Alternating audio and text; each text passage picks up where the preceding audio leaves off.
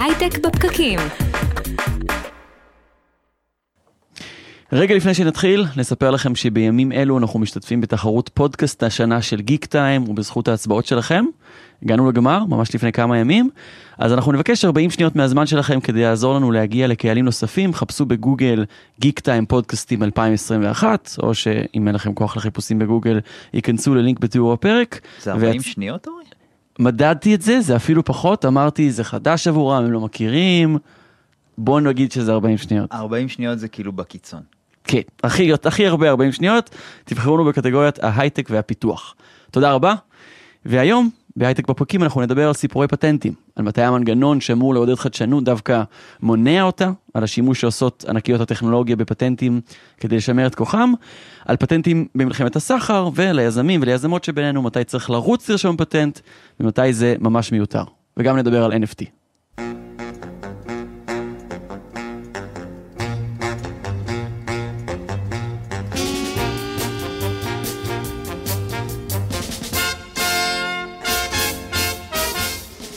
אז שלום לכולם, אנחנו שוב איתכם מדברים על יזמות סטארט-אפים, טכנולוגיה והעתיד. אני אורי טולדנו, איתי באולפן הדר חי, שלום. אהלן אורי, בוקר טוב. בוקר טוב, פטנטים עבורך בג'יגה רלוונטי באיזושהי צורה?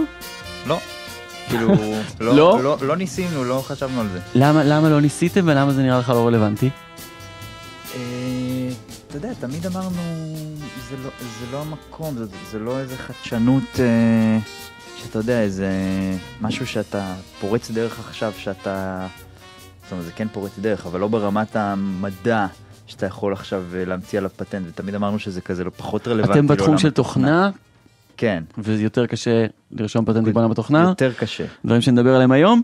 אמ, אז לפני שנצרף לשיחה את העורך דין אה, רועי מלצר, שהוא ראש תחום טכנולוגיות מחשוב בארליך group, שמתמחים בעולמות של קניין רוחני. נגיד שעל ההפקה של הפרק הזה עובדים אה, נירית כהן וטל חי, שאנחנו עולים בפייסבוק live של כלכליסט ואיצטדיון הסטארט-אפ. הווידאו שאתם רואים, אם אתם רואים, עושה אותו טל חי. וכפודקאסט אנחנו זמינים לכם בכל אפליקציות הפודקאסטים. אה, ואנחנו, לפני שאנחנו מתחילים, אנחנו רוצים גם להמליץ לכם על פודקאסט חדש של טבע בשם כל הרופאים. אם כואב לכם הראש, אם אתם תוהים אם זו מיגרנה או סתם כאב ראש, אם אתם קמים בבוקר ואתם עדיין עייפים, אז בכל הרופאים, שורה של רופאים מומחים מגישים לכם מידע רפואי מהימן על סוגיות רפואיות שיכולות לגרום לכם להרגיש טוב יותר, והפודקאסט זמין עכשיו בכל אפליקציות הפודקאסטים, וצריך להגיד שאין באמור לעיל משום המלצה או ייעוץ רפואי כלשהם, ובכל מקרה יש להיוועץ עם הרופא המטפל. ונודה לאולפני אינבסטור 360 שמארחים אותנו, שמפיקים גם את רשת הפודקאסטים הגדולה בישראל בתחום הפיננסים וההשקעות. עורך דין רועי מלצר, שלום, בוקר אור. אהלן, בוקר טוב. שמעת אותנו קצת מתחילים לדבר על פטנטים, שזה מאוד לא רלוונטי להדר. או אולי כן, בוא, So בוא תגיד לי. אחרת. אז זהו, יכול להיות שדווקא בתחום של תוכנה, עדיין, כמובן אנחנו רואים מלא פטנטים, יש גידול אדיר באנשים שרושמים פטנטים, אז כנראה שזה כן, יש לזה איזושהי חשיבות. תשמע, אולי זה יפתיע אותך לשמוע, אבל מ-2006 למעשה רוב הפטנטים שהם granted ב-US, הם uh, בארצות הברית, הם לא, הם פטנטים בתוכנה. אנחנו מדברים פה על צמיחה אה, מאוד מאוד גדולה, והיום מעל ל-80, כמעט 80 אחוז מהפטנטים שהם granted בארצות הברית הם פטנטים שמשלבים אלמנטים של תוכנה. אז השאלה הזאת היא שאלה מורכבת. מה שאני מסכים עם הדר, שזה פשוט זה לא. אז אם אנחנו חוזרים חזרה אחורה לראשית ימי הפטנטים, שנייה בשביל להכניס אותנו לשיחה ולתת קונטקסט, למה בכלל הם קיימים, איך הם אמורים לעודד תחרות, נכון? שזו המטרה. כן, אבל אנחנו נעשה את זה קצת פחות אה, היסטוריה, אבל בגדול, אה, בוא, בוא, בוא ננסה להבין.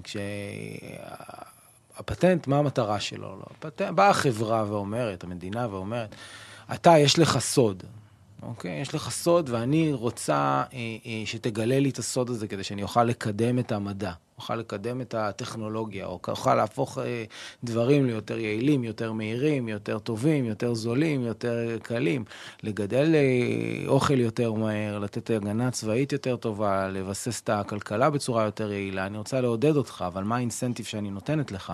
אני לא הולכת עכשיו לשלם לכל אחד שהמציא משהו כסף, כי אני לא יודעת אפילו להעריך כמה זה שווה. כן. מישהו שיש לו רעיון בראש על איך לפתור בעיה. ואז קמה מערכת הפטנטים. מערכת הפטנטים אומרת דבר כזה, בעד זה שאתה תגלה לנו את הסוד שלך, אוקיי? ותכף נדבר על מה בכלל אפשר לקבל פטנט, אבל עד שאתה תגלה לנו את הסוד שלך, אני אתן לך זכות, והזכות הזאת היא לא זכות לעשות את מה שכתוב בסוד שלך, או מה שכתוב במסמך פטנט, אלא זכות למנוע מאחרים. Mm. אני אתן לך את היכולת למנוע מאחרים לעשות. וזה מטרת הפטנט. פטנט הוא לא זכות לעשות משהו, הוא זכות למנוע מאחרים לעשות משהו. זאת אומרת שאם ממציא אה, יושב בבית או במעבדה שלו, לצורך הרומנטיות, עובד על פטנט הרבה זמן, ברגע שהוא יצא איתו לשוק וכולם יראו את החדשנות הגדולה שהוא גילה, כולם יוכלו להעתיק אותו, בשביל לתת לו באמת אינסנטיב לשבת באותה מעבדה ולרקוח את מה שהוא רוקח, אז באה הממשלה ואומרת, כהסכם בין הציבור לבין הממציא, אה, אנחנו ניתן לך הגנה וזה גם משמש איזושהי דפנסיביליות בעולם העסקי. לגמרי. אוקיי, ו... ו- אבל יש איזשהו, התחלנו לדבר על פטנטים ותוכנה, פטנטים הוצאו בהתחלה לדברים יותר פיזיים, נכון? הם מגינים, מגינים ביותר קלות על... לגמרי, כלומר, הפטנט הקלאסי הגן על, אה, על אה, מערך של גלגלי שיניים, איך לסדר אותם נכון כדי שהתמסורת תהיה נכונה, כן. על מערך של, אה, על מכונת כתיבה, על... כן. חדשנות אולי בעולם של הרפואי, זאת אומרת כשאני חושב על פטנט אני תמיד חושב על מדען שישב ו...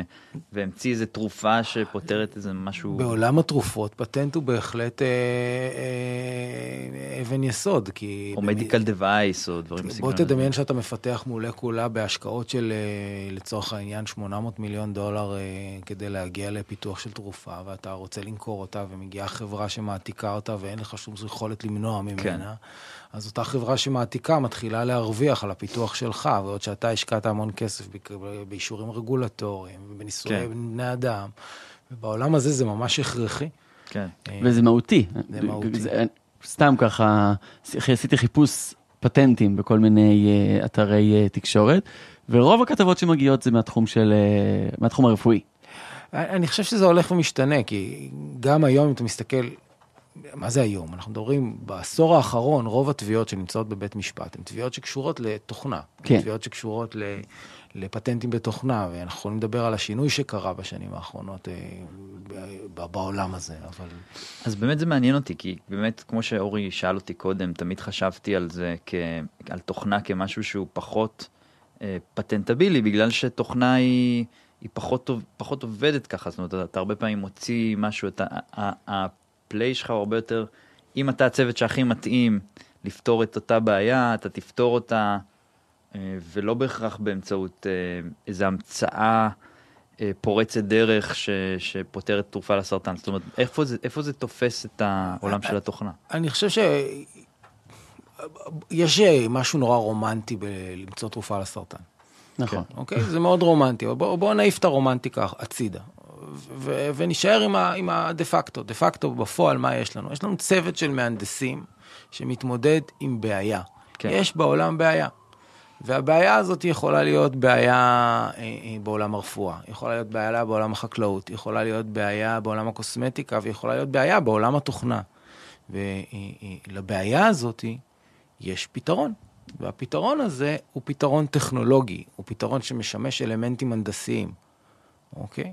עכשיו, מאחר והפתרון משמש אלמנטים הנדסיים לתוכנה, אז אנחנו, אה, אין הבדל בין פתרון תוכנתי מורכב של מהנדסי תוכנה לפתרון, אפילו תמחוק את המילה מורכב, זה לא חייב להיות מורכב, כן, זה קצת מבלבל, לבין פתרון של מהנדסים בתחום אחר.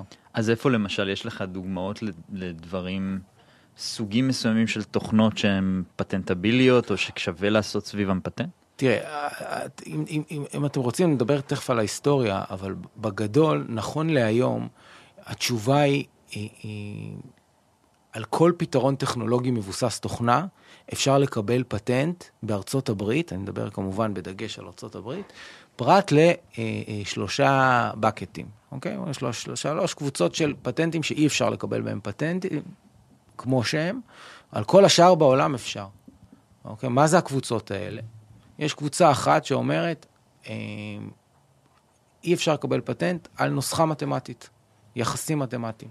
אם כל מה שאתה כותב זה x ועוד y, לחלק ל-2 אה, בחזקה שווה r, תציב פה, תציב שם, זה לא פטנט, mm-hmm. אוקיי?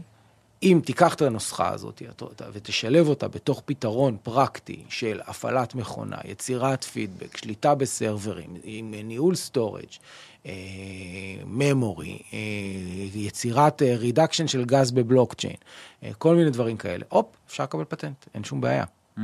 אם תשלב את זה אפילו בהפעלה של user interface בצורה שתשפר את ה-speed accuracy ו-usability של המשתמש, אפילו על ה-user interface אפשר לקבל פטנט. אז אמרנו, bucket אחד, יחסים בתוכנה, כמו שהם פר סה, אי אפשר לקבל פטנט. אבל זה נורא מורכב נגיד user interface, סליחה שאני ככה נכנס לך ל... לא, לא, בכיף. לזה, אבל בעצם ממשק משתמש הוא משהו ש... זאת אומרת, אתה קצת משנה אותו, כבר, כבר זה ממשק אחר. אז אני, אני חושב שנורא חשוב להבדיל, להבין מה אתה ממציא לפני שאתה מחליט מה אתה עושה כהגנה. ממשק משתמש, יש בו בדרך כלל אלמנטים עיצוביים חדשניים, ornamental features. אלמנטים עיצוביים חדשניים, קצת יותר עגול, קצת יותר ארוך, קצת יותר במיקום, אלה לא ניתנים להגנה בפטנט, הם ניתנים להגנה במה שנקרא design. אפשר היום לקבל uh, עיצוב, הגנת design, הגנת עיצוב, על graphical user interface, על GUI, אין כן. שום בעיה. קצת דומה על הגנה לוגואים, אני מניח, מבחינת... אה, ואז זה כאילו בעצם לוגואים זה קצת אחרת. קניין רוחני, לוגואים סימני אפשר... מסחר. לא- לוגואים זה סימני מסחר, כי לוגו זה brand. כן. אני אסתכל כאן על, הבוג, על הלוגו שיש לי על הקיר, אני מבין שזה מה שאני יכול להגן עליו, כי הוא מי- מה, אבל אני מייצג... יכול לה- להגן על אה, ריבוע בקוטר מסוים, זה זה בעיה. ב- בוא ניקח באמת את הדוגמה המעניינת של ה- המאבק המשפטי בין אפל לבין אה, סמסונג שהיה, שאפל תבעו את סמסונג, אם אני אוקיי. זוכר נכון, על ה- על העיגוליות של ה- של הלוגואים אז בוא שלהם. נדבר על זה. העיצוב, הדר שאל, מה, אני יכול לקבל פטנט על ריבוע? התשובה היא לא, אני לא- אתה לא יכול אני לא יודע לקבל. מי ניצח אגב במאבק המשפטי הזה. זה, זה עניינים מורכבים, זה, כן. ב, זה, זה, לאורך רוב הדרך אה, סמסונג ניצחה. כן. אה, אבל, אבל בוא נשים את זה שנייה בצד. אה, סליחה, אפל, אפל ניצחה גם. כן. זה, אתה יודע, זה תלוי באיך אתה מסתכל על זה ובאיזה jurisdiction. אה, זה נורא מעניין, כי... טוב, נדבר על זה אחר כך. אבל... ריבוע. אז אם אנחנו מדברים על ריבוע, אז, אז על ריבוע ב, ב, בכלל אי אפשר לקבל הגנה, הרי הוא היה לפני זה, הרי בוא, בוא, אנחנו קצת קופצים. הרי מה הדבר הבסיסי ביותר שבזכותו אפשר לקבל פטנט? הרי די, הדבר הבסיסי ביותר זה שיש לך משהו שהוא חדש, והוא לא, והוא לא הדבר הברור לפתרון הבעיה. כן. או, או, כלומר, העיצוב הזה חייב להיות חדש, והוא צריך להיות עיצוב שלא ברור לאור העיצובים הקודמים. ריבוע, ברור. אז אי אפשר לקבל פטנט על ריבוע. אבל אם תעשה ריבוע שיש לו תגובתיות מסוימת עיצובית, או מיקום מסוים שלא היה צפוי ביחסים מסוימים, נניח על מסך, או ביחס לאייקונים אחרים, או איך הריבוע הזה ממוקם ליחס לעיגולים אחרים ב-graphical user interface, אז יהיה לך משהו. עכשיו, אתה צודק שמאוד מאוד קשה לחדש בעולמות האלה. כי מה, מה כבר יש לחדש? עיצבו כמעט הכל. כן. אוקיי? אבל הנה, לדוגמה, הבאת את הדוגמה של אפל וסמסונג. אז אחד מהעיצובים שם דיברו על היחסים שבין אורכי המכשיר לבין ה-curvatures שבקצוות של ה-device, אוקיי? וזה משהו שלא היה עד לאותה שנה שבה זה נרשם. הרי כשאנחנו, כשמישהו קנה את, ה, את האייפון הראשון, פעם ראשונה שהוא הרגיש מסך טאץ', האם זה הטלפון האלחוטי הראשון שהיה עם מסך טאץ' אי פעם? התשובה היא לא. אוקיי? לחלוטין לא. ב-70's אגב מתחילים לדבר על, אה, על טאבלטים. נכון, כן. אז- אבל היה שם אלמנט עיצובי נכון, כלומר זה היה נכון עיצובית ולכן היה אפשר להגן על זה כן. כפטנט, אפל הגין על זה כפט- כ- כ- כ- כעיצוב, אבל היה שם בפנים גם עוד מאות אם לא אלפי פטנטים אחרים. כן, אז, אז דיברנו על bucket אחד שהוא באמת נכון. הבקט של, אה, של נוסחה מתמטית ביישום מסוים. אי אפשר להגן. על זה אי אפשר לקבל פטנט כן. per se, כן. כלומר רק על נוסחה. אלא אם כן היא על ניס- יישום מסוים. אם שילבת אותה בתור practical application בצורה כן. שהוא לא obvious, אז אין שום בעיה. עזוב, אני מבלבל, עזוב. אז- אם שילבת אותה ב practical application, בעיקרון אתה- יש לך כאן subject matter שהוא. הבנתי. הבאקט השני, מה הוא? ה bucket השני, ניקח mental process. כל תהליך שאתה יכול להריץ אותו בראש, הסיכוי שתקבל עליו פטנט הוא מאוד מאוד נמוך. כן. כלומר, כי זה תהליך מנטלי. אוקיי? כל מה שנופל בתהליך מנטלי, הסיכוי שתקבל עליו פטנט, לדוגמה. מאוד מאוד נמוך. לדוגמה, אם אני עכשיו עוקב אחרי אה, אה, המחירים של ה... אה, בצורה אפילו שאני כותב, שאני לאסוף את כל המחירים של הקריפטואים, ולהרכיב תעודת סל של קריפטו. אוקיי? למה הדבר הזה, ולהוציא אותה למכירה בצורה אוטומטית בבורסה. למה הדבר הזה אה, אה, אה, לא פטנט, אי אפשר לקבל עליו פטנט? אוקיי? כי זה הליך שגם היה אפשר להריץ אותו בראש. היית בראש, יכול לקחת pen and paper, ובראש לרשום, זה הערך, זה הערך, זה הערך. כן. כל, זה ההרכב, 30 אחוז כזה, 30 אחוז כזה, 30, הנה תעודת סל, קריפטו, ועכשיו אני אעביר אותה להיסחר בבורסה. אז אי אפשר לקבל על זה פטנט. ו- וככלל אצבע גם אז אי אפשר לקבל פטנט על רעיון, אפשר לקבל פטנט על יישום בלבד. אז זה לוקח אותנו למקום קצת אחר, והוא נורא מעניין. יש סוגים של חדשנות בעולם, אז אמרנו, יש חדשנות עיצובית, נכון? עכשיו, יש עוד שני סוגים של חדשנות שאפשר לדבר עליהם. יש חדשנות שנקראת חדשנות עסקית. מה זה חדשנות עסקית? חדשנות עסקית זה מה אני עושה. יש לי רעיון עכשיו אדיר, מה אני רוצה לעשות? אני מחכה בתחנות אוטובוס, אין לי קפה. אני רוצה לעשות מכונות קפה בתחנות אוטובוס. האם אני יכול לקבל פטנט על זה שיש מכונות קפה בתחנות אוטובוס? אני הראשון גנבו לך את בעולם. הרעיון, רועי, אני מה זה? אני אז אותו פה בשידור. אז התשובה היא לא, אין לי שום סיכוי לקבל פטנט על מכונות קפה בתחנות אוטובוס. למה? כי זה מה. זה מה אתה עושה. כן. זה לא איך. פטנט תמיד יינתן על איך. איך אני פותר את הבעיה, אוקיי? כלומר, עכשיו נשאלת השאלה, דיברנו על מכונת קפה, סתם, בוא נזרום איתה עוד קצת. אז איך אני מייצר מכונת קפה לתחנת אוטובוס בצורה כזאת שהיא תהיה קלה לשימוש, שכל אחד יוכל להחליף בה, אה, להשתמש בה. עדיין לא פטנטבילי. אם תדע איך, אז כן. אם תדע איך, אם תעשה איזה מכונת קפה, אה, איך אתה עושה מכונת קפה שתהיה... עוברת בכל התחנות, יפה מאוד, איך אתה פותר את בעיית הלוגיסטיקה, כן. אבל לא מבחינת איך אתה מייצר אותה מכנית בצורה כזאת, שתאפשר בצורה קלה להחליף את, החלב, להחליף את, ה... כן. את הזה. יכול להיות שמה שבעצם מעניין לעשות כאן, והנה, נותן לך סטארט-אפ, זה לעשות מכונות קפה שמיועדות לקפסולות. אוקיי, אז אתה מגיע, כל אחד בא עם הקפסולה שלו בבוקר, שם, ובזמן שהוא מחכה יוצא לו הקפה. וזה אגב באמת מקרה מעניין של זכויות יוצרים, כי לנספרסו היה פטנט כן, על, ה, על הקפסולות במשך הרבה שנים. ואז ופה הזמן גם להגיד כסף. שבאיזשהו שלב נגמר. ה- ה- נגמר הפטנט, ועד אז אתה צריך לבסס איזושהי מובילות פה, בשוק. פה זה נורא מעניין, כי הנספרסו, כדי להחיות את הפטנט שלה, כל הזמן שינתה את המבנה של הקפסולה בצורה כזאת שתתאים למבנה של המכונה כן. החדשה. כמו הקפה ששתינו היום בבוקר, שלא היה לו את זה, הצורה זה, המסורתית. זה אם תשאל את עצמך למה עשו לו לא את הצורה המסורתית, כי רצו שאתה, כשאתה לוקח את הקפ... שלא תגנוב את הקפסולות מהעבודה הביתה. כן. אוקיי, אז ייצרו מכונה עם קפסולות אחרות, שלא תוכל לקחת אותה, שזה קפסולות עסקיות, הרי אתה לא תסתובב איתן בכיס. אבל, אם היינו שמים כאלה בתחנות אוטובוס, אז אולי דווקא היה לך אינטרס לקחת קצת הביתה. אבל זה, אתה מבין, יש כאן שאלה איך אנחנו, אבל רק לבוא ולהגיד מכונת קפסולה, קפה קפסולות בתחנת אוטובוס, אתה צודק, לא נקבל פטנט. כן. אבל יש הבדל בין מכונת קפה שתשב בתחנת אוטובוס בחוץ, בגשם, בלי חשמל, אה, בצורה שמשתמשים בה אנשים עם, הם, הם, נקרא להם, שהם לאו דווקא מומחים. אה, אתה יודע, אז... הבקט נוס- השלישי, סבבה. הבקט השלישי שלנו זה method of organizing human activity. אוקיי? אם אתה הולך לפני שנת 2014, ששם הייתה איזו מהפכה, אוקיי? בעקבות החלטה של תיק בבית משפט עליון בארצות הברית, אז למעשה היית יכול לקבל פטנטים על כל תהליך שהיית מריץ על מחשב. כלומר, היית אומר, יש לי מחשב, יש תהליך שאף אחד לא עשה, אני אריץ את התהליך על המחשב, לדוגמה, דני וחיים עושים עסקה, אני רוצה לבטח את העסקה, הם אה, ילכו אה, אה, לאתר באינטרנט, יקנו ביטוח לעסקה, ואז יש צד שלישי שמבטח את העסקה.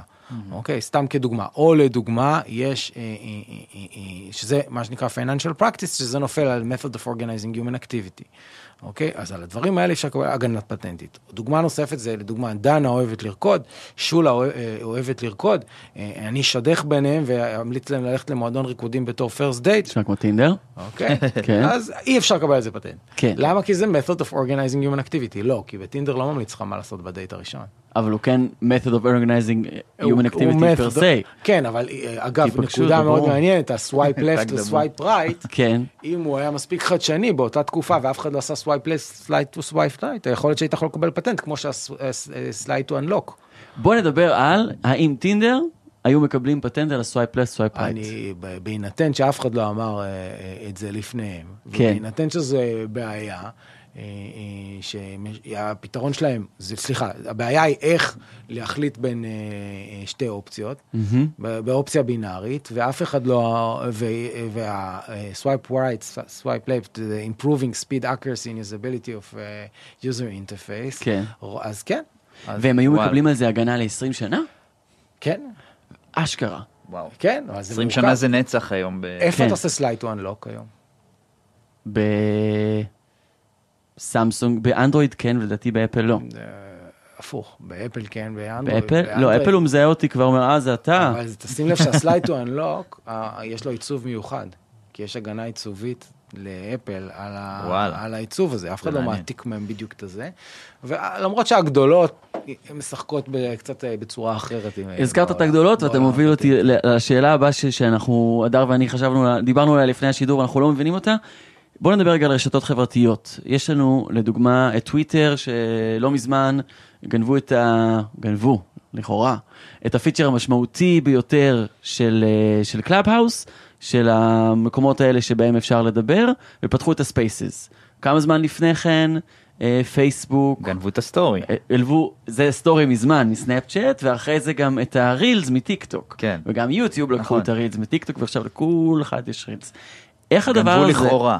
הכל לכאורה. לכאורה.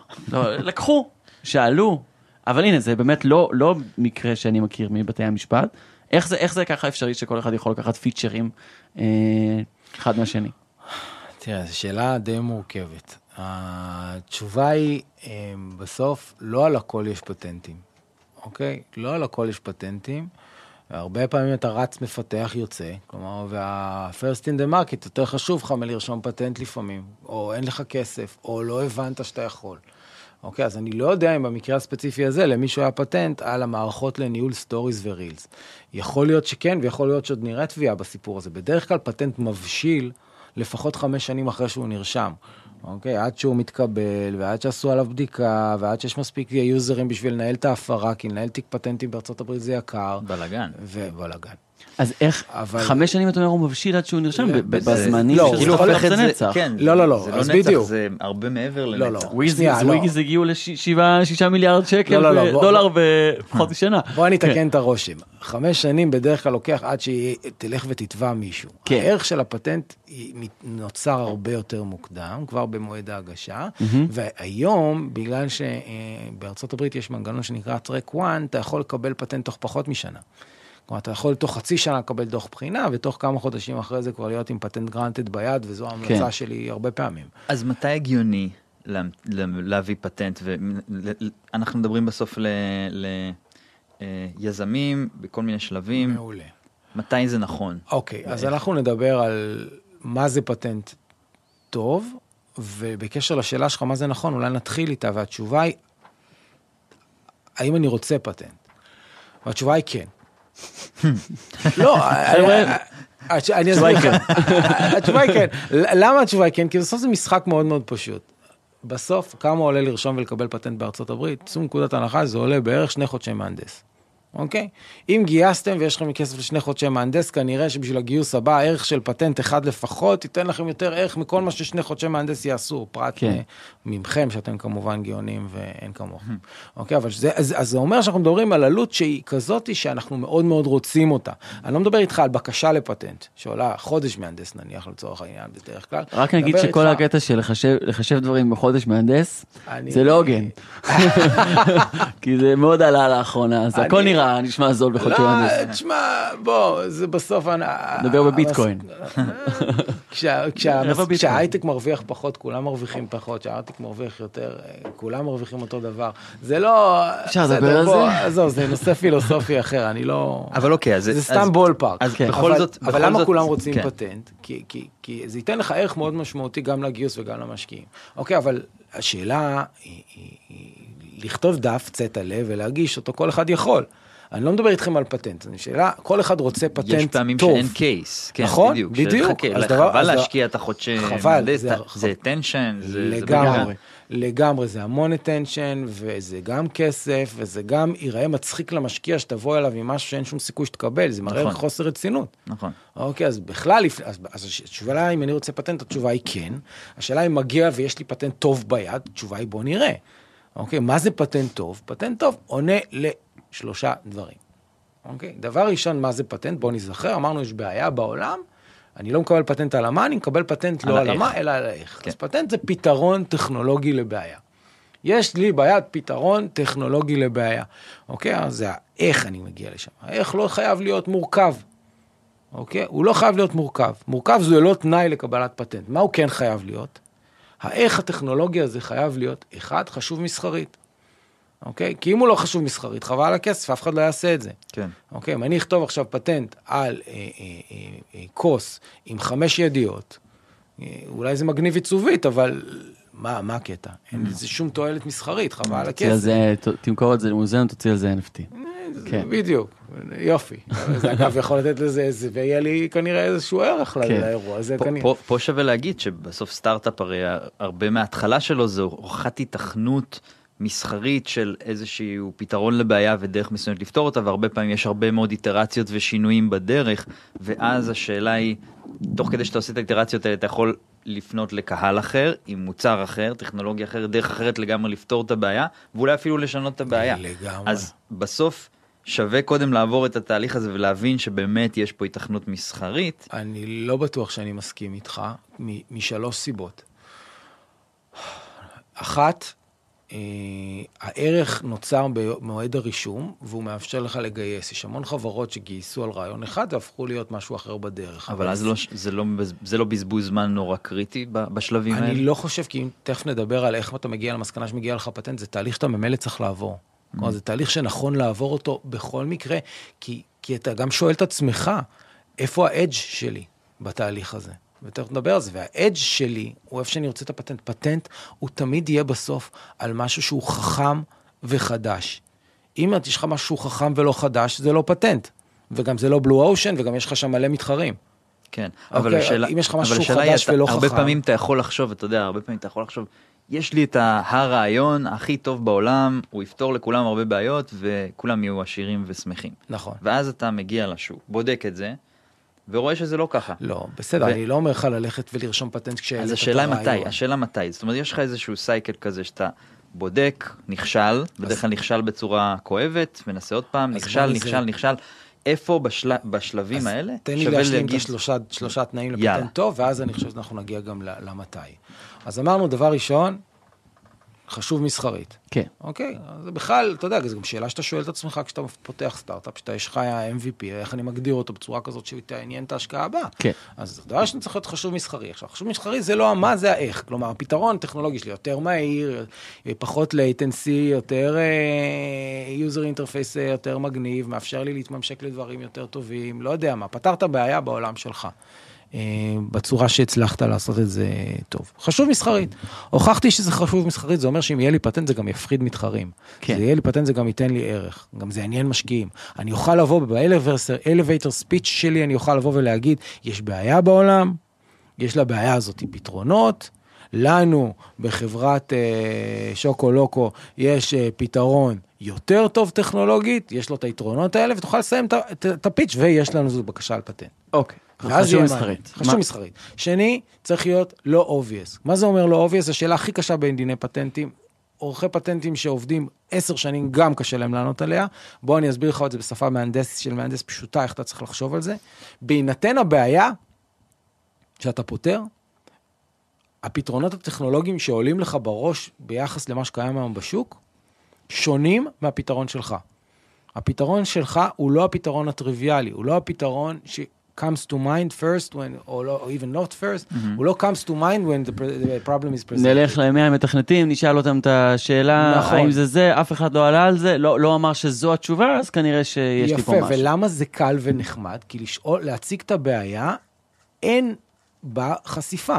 נשמע כמו אקאטון. אתה יכול ממש להציג, נכון, אתה יכול לעשות אקאטון, ואתה רואה מה הפתרונות של האקאטון, ואם הפתרונות של האקאטון הם לא הפתרונות שלך, וואו. הולך לשם פטנט. אבל. איפה, אבל איפה הבעיה? שאתה יכול, שכל עוד זה האיך הזה, הרי האיך הוא נורא משתנה. האיך הזה הוא כל הזמן נבדק במבחן המציאות. אתה יכול לחשוב שיש לך דרך מולה לעשות משהו, ו- ובאמת יכול להיות שהיא נשמעת טוב, אבל יש מיליון בעיות שלא חשבת עליהן, כל עוד. אתה לא תנסה את זה, אני מסכים איתך. ותוציא את זה החוצה. וזה ו- התפקיד של העורך פטנטים, לבוא ולהגיד לך שאם המצאת המצאה ב micro services, לא להגביל את התביעה רק ל micro services, אלא לכתוב loosely coupled services. אוקיי? משהו שאומר, שמגדיר את המהות של ה micro service. היא שאם אתה הולך ורושם פטנט על אה, פתרון שמוריד את הגז בבלוקצ'יין, לא להיות מותאם לפרוטוקול Ethereum, Ethereum וזהו. ה Ethereum הולך למות, נכון? אנחנו עוברים ל Ethereum 2, כלומר הפטנט שלך צריך להיות גם וגם. אוקיי? אם אנחנו עכשיו ב storage, אנחנו לא רוצים להגן רק על, על פרוטוקול storage מסוים שהולך להיעלם מהעולם בעוד שלוש שנים. אנחנו צריכים להבין את המהות של הפתרון הטכנולוגי ואיך הוא יאסוף, ימשיך הלאה. יכול לתת לך דוגמה, שחברה שהתעסקה בהמון פטנטים בפרוטוקול שנקרא WiMAX, אוקיי? עצמה ערים של פטנטים, והפטנטים החשובים שבסוף נתנו ערך גם במכירה של, אומנם של החברה בסוף, כ, מה שנקרא, כ- כשלט, אה, או, או למכור את העתיק פטנטים, בסוף הם כאלה שגם נפלו על LTE. אוקיי? אז אין סיבה לכתוב תביעה שכתוב ב-WiMAX, בדרך כלל. או לחילופין אפשר, ואז אפשר להגיש בקשת המשך גם על שאר התחומים הטכנולוגיים.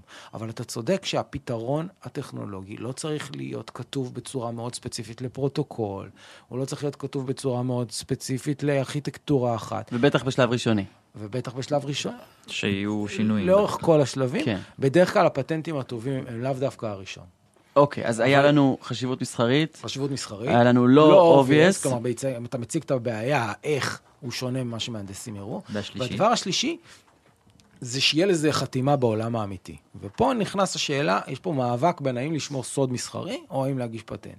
אם יש לי פטנט, שהוא איזו נוסחה מטורפת שיושבת בתוך layer 3, בתוך CNN, שהוא distributed, הסיכוי שלי שמישהו ידע שיש הפרה ב machine learning אה, על העולם הזה הוא לא גדול. כן. אוקיי, אז שאלה, אולי עדיף לי לשמור את המשקולות האלה, את המשחק הזה לעצמי. פה, פה אני מכיר נוסחה שאתה רושם, נגיד יש לי שלושה פתרונות יצירתיים בסטארט-אפ שלי, כן.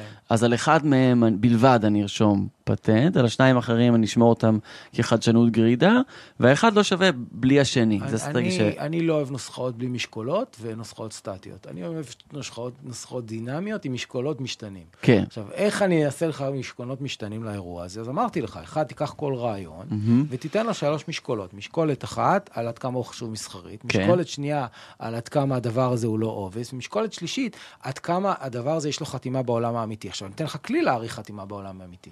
איך אני מעריך חתימה בעולם האמיתי? אני שואל את עצמי, כמה יעלה לעשות reverse engineering? כמה יעלה לעשות reverse engineering?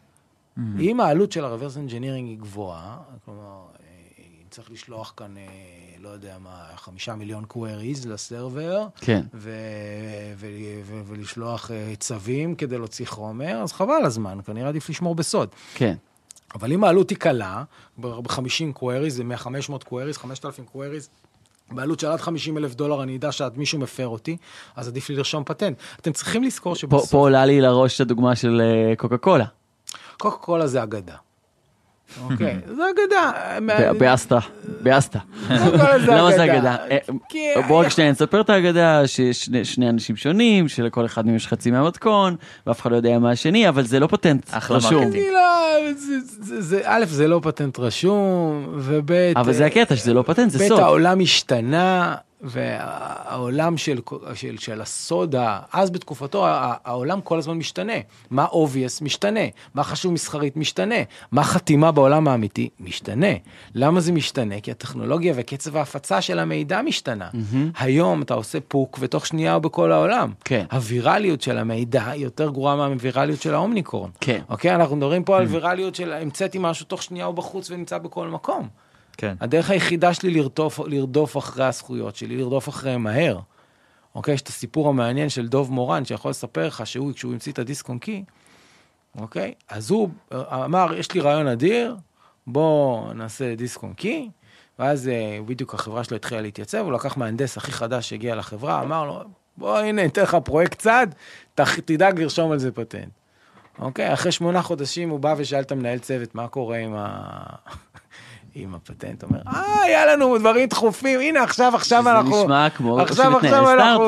כן. זהו, נכון, נכון, באמת עכשיו. היו לנו דברים דחופים. עכשיו, עכשיו אני מגיע לזה, מספר לך, הוא בכלל איזה סטארט-אפר, אתה יודע, בתקופתו, דוב מורן, הוא אפילו לא היה חברה, הוא היה עוסק מורשה בהתחלה. וואו. מרוב שהוא לא הבין איך מנהלים חדשנות.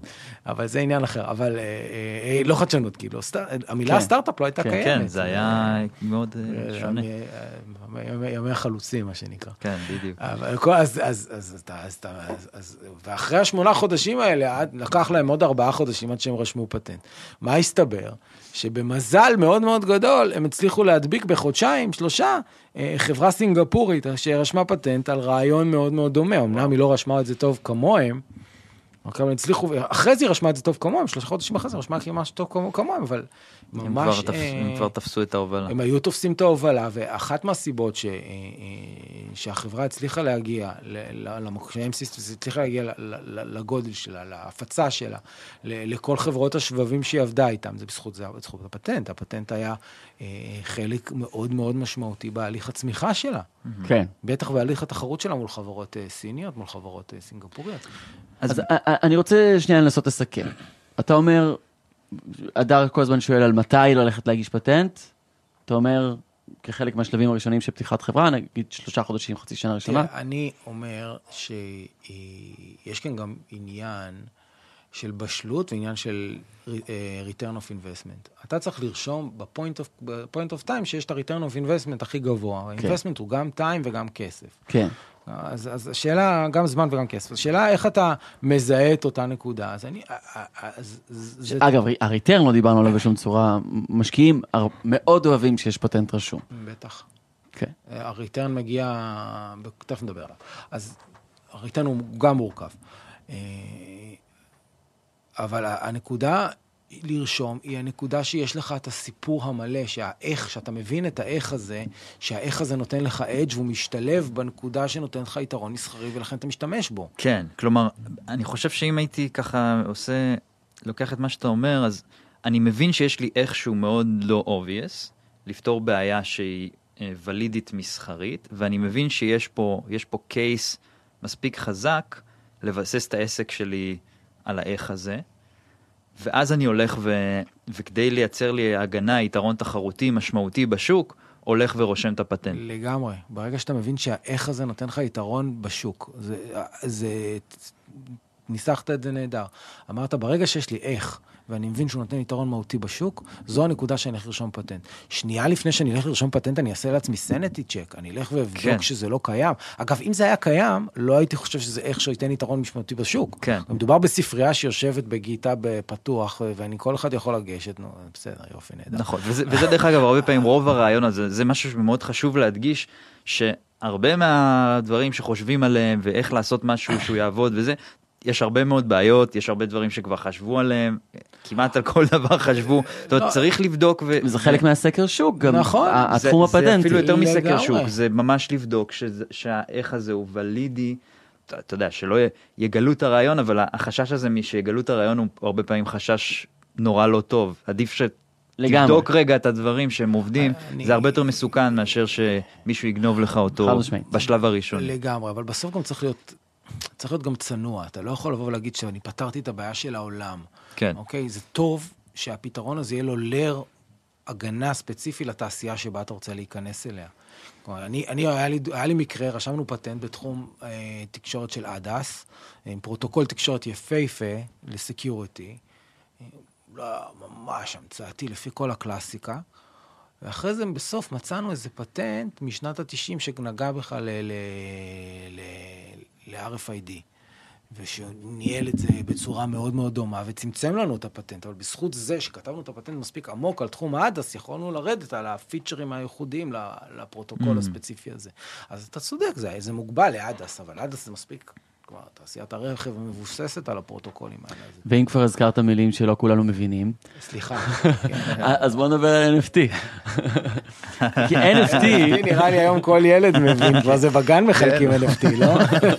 כן, במקום טופי ביום שישי מחלקים NFT. כן. על העבודות של הילדים. Non-Fungible Tokens למי ש- שלא מכיר את הראשי תיבות.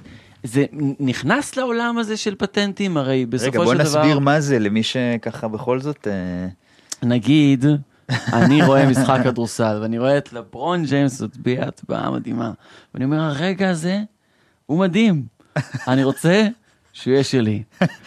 ואז אז אתה קונה את אני הרגע. קונה אותו כ-NFT, ואז הוא שלי, ואם אה, ESPN רוצים לעשות בו שימוש, וזה לא רק רגע, זה יצירות אומנות, זה ציורים, זה תמונות. כן, גם הפך להיות קטע של לקנות איזה יצירת אומנות, אז כל זכות יוצרים. היית מת. זה הבלוקצ'יין שנכנס לעולם, חפצים. כן, כן. היית מת שהדקה הזאת של אברון תהיה שלך, אתה יודע. אני עובד על זה. תסתכל כן. מה כתוב מאחורה בכרטיס שקנית, אם צילמת באולם, ואם לא, הזכויות הן של ESPN, שבכלל עשו את ההפצה בברודקאסט. כן. נכון. תשכח מזה. נכון, כן. בסדר, אבל לצורך העניין. כן. אמ, אז יש פה, הנה, מערכת שעוקפת את המערכת החוקית, ובצורה של הטכנולוגיה הביזורית שאנחנו מדברים עליה כבר כמה כן. שנים, אה, מאפשרת לאנשים להגן על היצירות שלהם. אבל השאלה אם, האם זה גם רלוונטי לעולם הפטנטים. אני חושב שאמרת עכשיו המון מילים שלא עומד מאחוריהם אה, תקנת חוק אחת, תקנה או חוק אבל אחד. זה בדיוק העניין, שזה לא חוק. אז אם זה לא חוק, זה לא אכיף. אבל אני כן יכול לתבוע אותך אם תיקח לי את לברון שם. אתה, אתה כנראה לא יכול, כי הזכויות הן לא שלך. אבל במקרה. שיש לך NFT על משהו שבאמת... אבל בוא נדבר על. משהו, בוא נלך לגן של חווה. בגן של חווה, אלון צייר ציור, ואת הציור הזה חווה הנפיקה לו NFT. כן. עכשיו אבא של אלון אומר, הנה יש לי אה, NFT על הציור של אלון. נכון. עכשיו אתה אה, ראית את הציור של אלון ועשית גרפיטי גדול בבית אה, עם הציור של אלון, אז השאלה איפה ה-NFT יכול לעזור לך לאבא של אלון לתבוע אותך, נכון? כן. זאת שאלה, סבבה. אז... אז זה אז- קצת כמו שאתה מראה אולי קנית תיק, אתה מראה את הקבלה, אתה אתה מראה הוכחת קנייה. לא, אה, יפה. אוקיי. זה מה שזה, זה לג'ר חד קנייה, יש לי פה רישום שאומר, הנה, סליחה, הלו, זה שלי, אבל כן. זה שלך רק מהתאריך שהלג'ר רשום, כלומר, זה חתימה. אם זה היה של מישהו קודם, אז זה לא שלך. עכשיו, בכל מקרה, כדי ללכת ולאכוף את הזכויות שלך, אתה צריך ללכת ולהתעסק בזה תחת חוק אה, זכויות יוצרים. אז יש פה בעצם מנגנון, אה, מאגר של אה, זכויות יוצרים, שמאפשר איזושהי הגנה עליהם, שהוא לא בעזרת המאגר אז- הממשלתי. אז זה לא כל כך מדויק, כי אם אני, אם אתה רשמת את הציור של אלון, אפשר להוציא בכל כך הרבה רשתות NFT, וכל אחת נותנת תאריך, אבל לא כל אחת נותנת זכות. כן. הזכות נולדת מעצם היצירה, והיצירה נולדה בתאריך מסוים, ומישהו יצר אותה, שזה אלון, והזכות, בגלל שהיה לאלון יש אפוטרופוס, זה אבא שלו, אז הזכות היא שלה מנוהלת על ידי אבא שלו, ופה זה, וזה, ו, ו, ו, וכל מי שיעתיק את זה אחר כך, אין לו זכות. גם אם הוא ירשום על זה NFT, הוא, עצם רישומו של ה-NFT לא נוליד את הזכות. ואם אנחנו מדברים על, אה, על פאנק, אז יש לי פאנק שיצאתי איתו, והוא מאוד מאוד מיוחד. יהיה לי זכות רק אם באמת זה, הוא, הוא, הוא עומד בחוקים, הוא לא דריבטיב ישיר של זכות של משהו אחר שאפשר להתבלבל ביניהם בצורה שאי אפשר אה, להבדיל. אני באמת הראשון שעשה אותו. הוא נותן לי, הוא נותן לי חותמת נהדרת, הוכחה מאוד יפה שבאמת בתאריך מסוים, ביום מסוים, בשעה מסוימת, נקודה מסוימת, הוא עבר לבעלותי. כן. אבל, אבל שזה נהדר ויש עוד הרבה לאן לקחת את זה. כי הרבה אבל- פעמים אתה קונה דברים ואין לך שום, באמת, אתה יודע, יש לי תיק עכשיו, נכון. נחזור לדוגמת התיק, אין לי שום הוכחה כרגע שהוא שלי. נכון. חוץ מהקבלה הזאת, שזה מהקבלה שאתה זורק. אותה אחרי שאתה יוצא מהחנות. אוקיי, או אם יש לך תעודה על יהלום, שבה יש גם הערכה נכון. של הגמולוגיה של היהלום, ה brightness, ה whiteness, ה whatever שלו, אז יש לך את התעודה על היהלום, אבל, אבל זה, זה לא הופך, את- התעודה הזאת היא לא הופכת את היהלום יותר לשלך. הבעלות שלך ביהלום, הזכות שאתה מחזיק בו, היא, היא, היא, היא נותנת את ה... זה שאתה מחזיק ביהלום. כן. אז היא נגיד. בנדל"ן יש אבל- לך את הטאבו, נכון. אבל ב- בדברים שהם הרבה יותר קטנים אין לך לא, איזשהו רישום. רוחניים, ברוחניים זה נורא קשה, כלומר נכון, זה משהו שהוא זה וייג, אחרת. אני, אני, אני פטנט, אני, המרשם הוא מאוד מאוד חשוב. מה זה כן. מאוד חשוב? עצם קיומו הוא הדבר היחידי שיוצר את הזכות. כן, נכון. אבל ה-NFT הוא לא מרשם שהחוק מכיר בו. כן. בניגוד למרשם הפטנטים, זה סתם. אז... לא סתם, זאת, חס וחלילה, אני לא... בגלל שיש, עצם זה שיש מרשם ש- שהמסכימים עליו יש איזשהו תיעוד, זה כבר נותן לזה איזשהו תוקף לא, חוקי. אבל מי זה מסכים? ה-NFT מי מסכים עליו? כדי שיהיה תוקף חוקי, לא יספיק שאני והדר אה, ואורי נסכים, נסכים, שנסכים נכון. על. על, על, על אנחנו צריכים שהמדינה תוציא חוק שאומר את מרשם, מרשם הזכויות יוצרים. פה דרך הבעייתיות. אגב, אני לא, אני לא בעד או שנייה. נגד NFT, אני פשוט אומר, זה, זה מעניין אותי איפה באמת החוק, כאילו, אבל הנה, את- הוא מכיר, רועי משתלב בדיוק אומר. צריך שהמדינה תוציא חוק נכון, שנותן, שמכיר בזה. נכון. ופה זה לא יקרה. עד אז אין לזה כל כך אז תוקף. הוא לא יודע אם זה לא יקרה, אבל זה נשמע האם לי לא סביר. למדינה יש אינטרס להוציא כזה אה, מרשם? שאלה מעניינת. עכשיו בואו, סתם, אם אנחנו רוצים להיות קצת אה, קונספירטיביים, מי מחוקק חוקים? המדינה ונבחרי ציבור, ומי כן. מעורב בין החוקים ומציג את החובות ואת. האנליסטים? לוביסטים, ולא רק. לוביסטים, גם לא, נהדר, חברות גדולות שיש להם אינטרסים, שאפשר לדבר עליהם שהם לעומק. גדולי הלובינג בכל- בארצות הברית, כן. נכון, אנחנו לוקחים את החברות טכנולוגיה שהם משקיעים בלובי מ-2011 בערך, יותר מחברות תרופות, יותר מחברות, אה, יותר מחברות אה, לזכויות אדם, יותר מכל אחד אחר הלוביסטים שם יושבים. וזו שאלה מעניינת, האם ל big tech יש בכלל אינטרס לבסס NFT, לא כל כך. או, או משהו אחר. ו, ויותר מזה, אפילו עורכי הדין. האם עורך דין שחונך על ברכיו של המרשם ועל החוק ועל ה... ירצה לייתר את על- עצמו. על ה- על ה centralizing, הרי בסוף החוק הוא centralized. האם, האם כל המערכות שהן מוכוונות centraliz- centralism, יש להן בכלל אינטרס אה, לתמוך במשהו שהוא distributed כמו NFT? שאלה מעניינת. כן. אני לא אומר כן, אני לא אומר לא, אבל אני אומר, תשימו לב בכמה דברים יש צריך קשיים להילחם. מאוד גדולים. נכון, קשיים מאוד מאוד גדולים. זה, זה, כרגע מה שנותן את הערך ל-NFT זה, זה שיש קולקטורים שאוהבים לאסוף. כן. אבל, אבל, מה, אבל האם קולקטורים שאספו יכולים לאכוף את הזכויות שלהם? זה כבר תלוי ב, בחוק הזכויות יוצרים לצורך העניין, ברוב המקרים פה. הגענו פה ל- לאיזה מקום מעניין של איפה מתחברים האינטרסים של אה, עורכי דין, או הממסד הישן והממסד החדש. הטכנולוגיה תמיד זריזה יותר מהחוקים, אבל גם באמת החוקים לא סתם אמיתיים יותר, זה באמת כוח ישן ששומר על עצמו. דיברנו גם בהקשר הזה על איך אה, חברות טכנולוגיה גדולות משתמשות, לא, האמת שלא הרחבנו בזה מספיק, משתמשות בפטנטים בשביל אה, להגן על עצמם. תודה רבה לעורך הדין רועי מלצר, ראש תחום טכנולוגיות מחשוב ב Ehrlich Group. אה, כיף. ואני מקווה שעזרנו לכם, מי שתוהה על הוצאת פטנט, על מתי עושים את זה. עזרתם לי. יפה, אנחנו פה, פה בשביל לעזור לך. אם אתם מאזינים, אנחנו רוצים גם שתעזרו לנו להייטק בפרקים להגיע לקהלים חדשים. אם הגעתם עד הלום, כנראה שהפרק הזה היה מעניין עבורכם. ואז היינו אומרים, תפרגנו לנו חזרה, כנסו ל Geektime, תחפשו אה, תחרות הפודקאסטים של Geektime בגוגל או ללינק המצורף.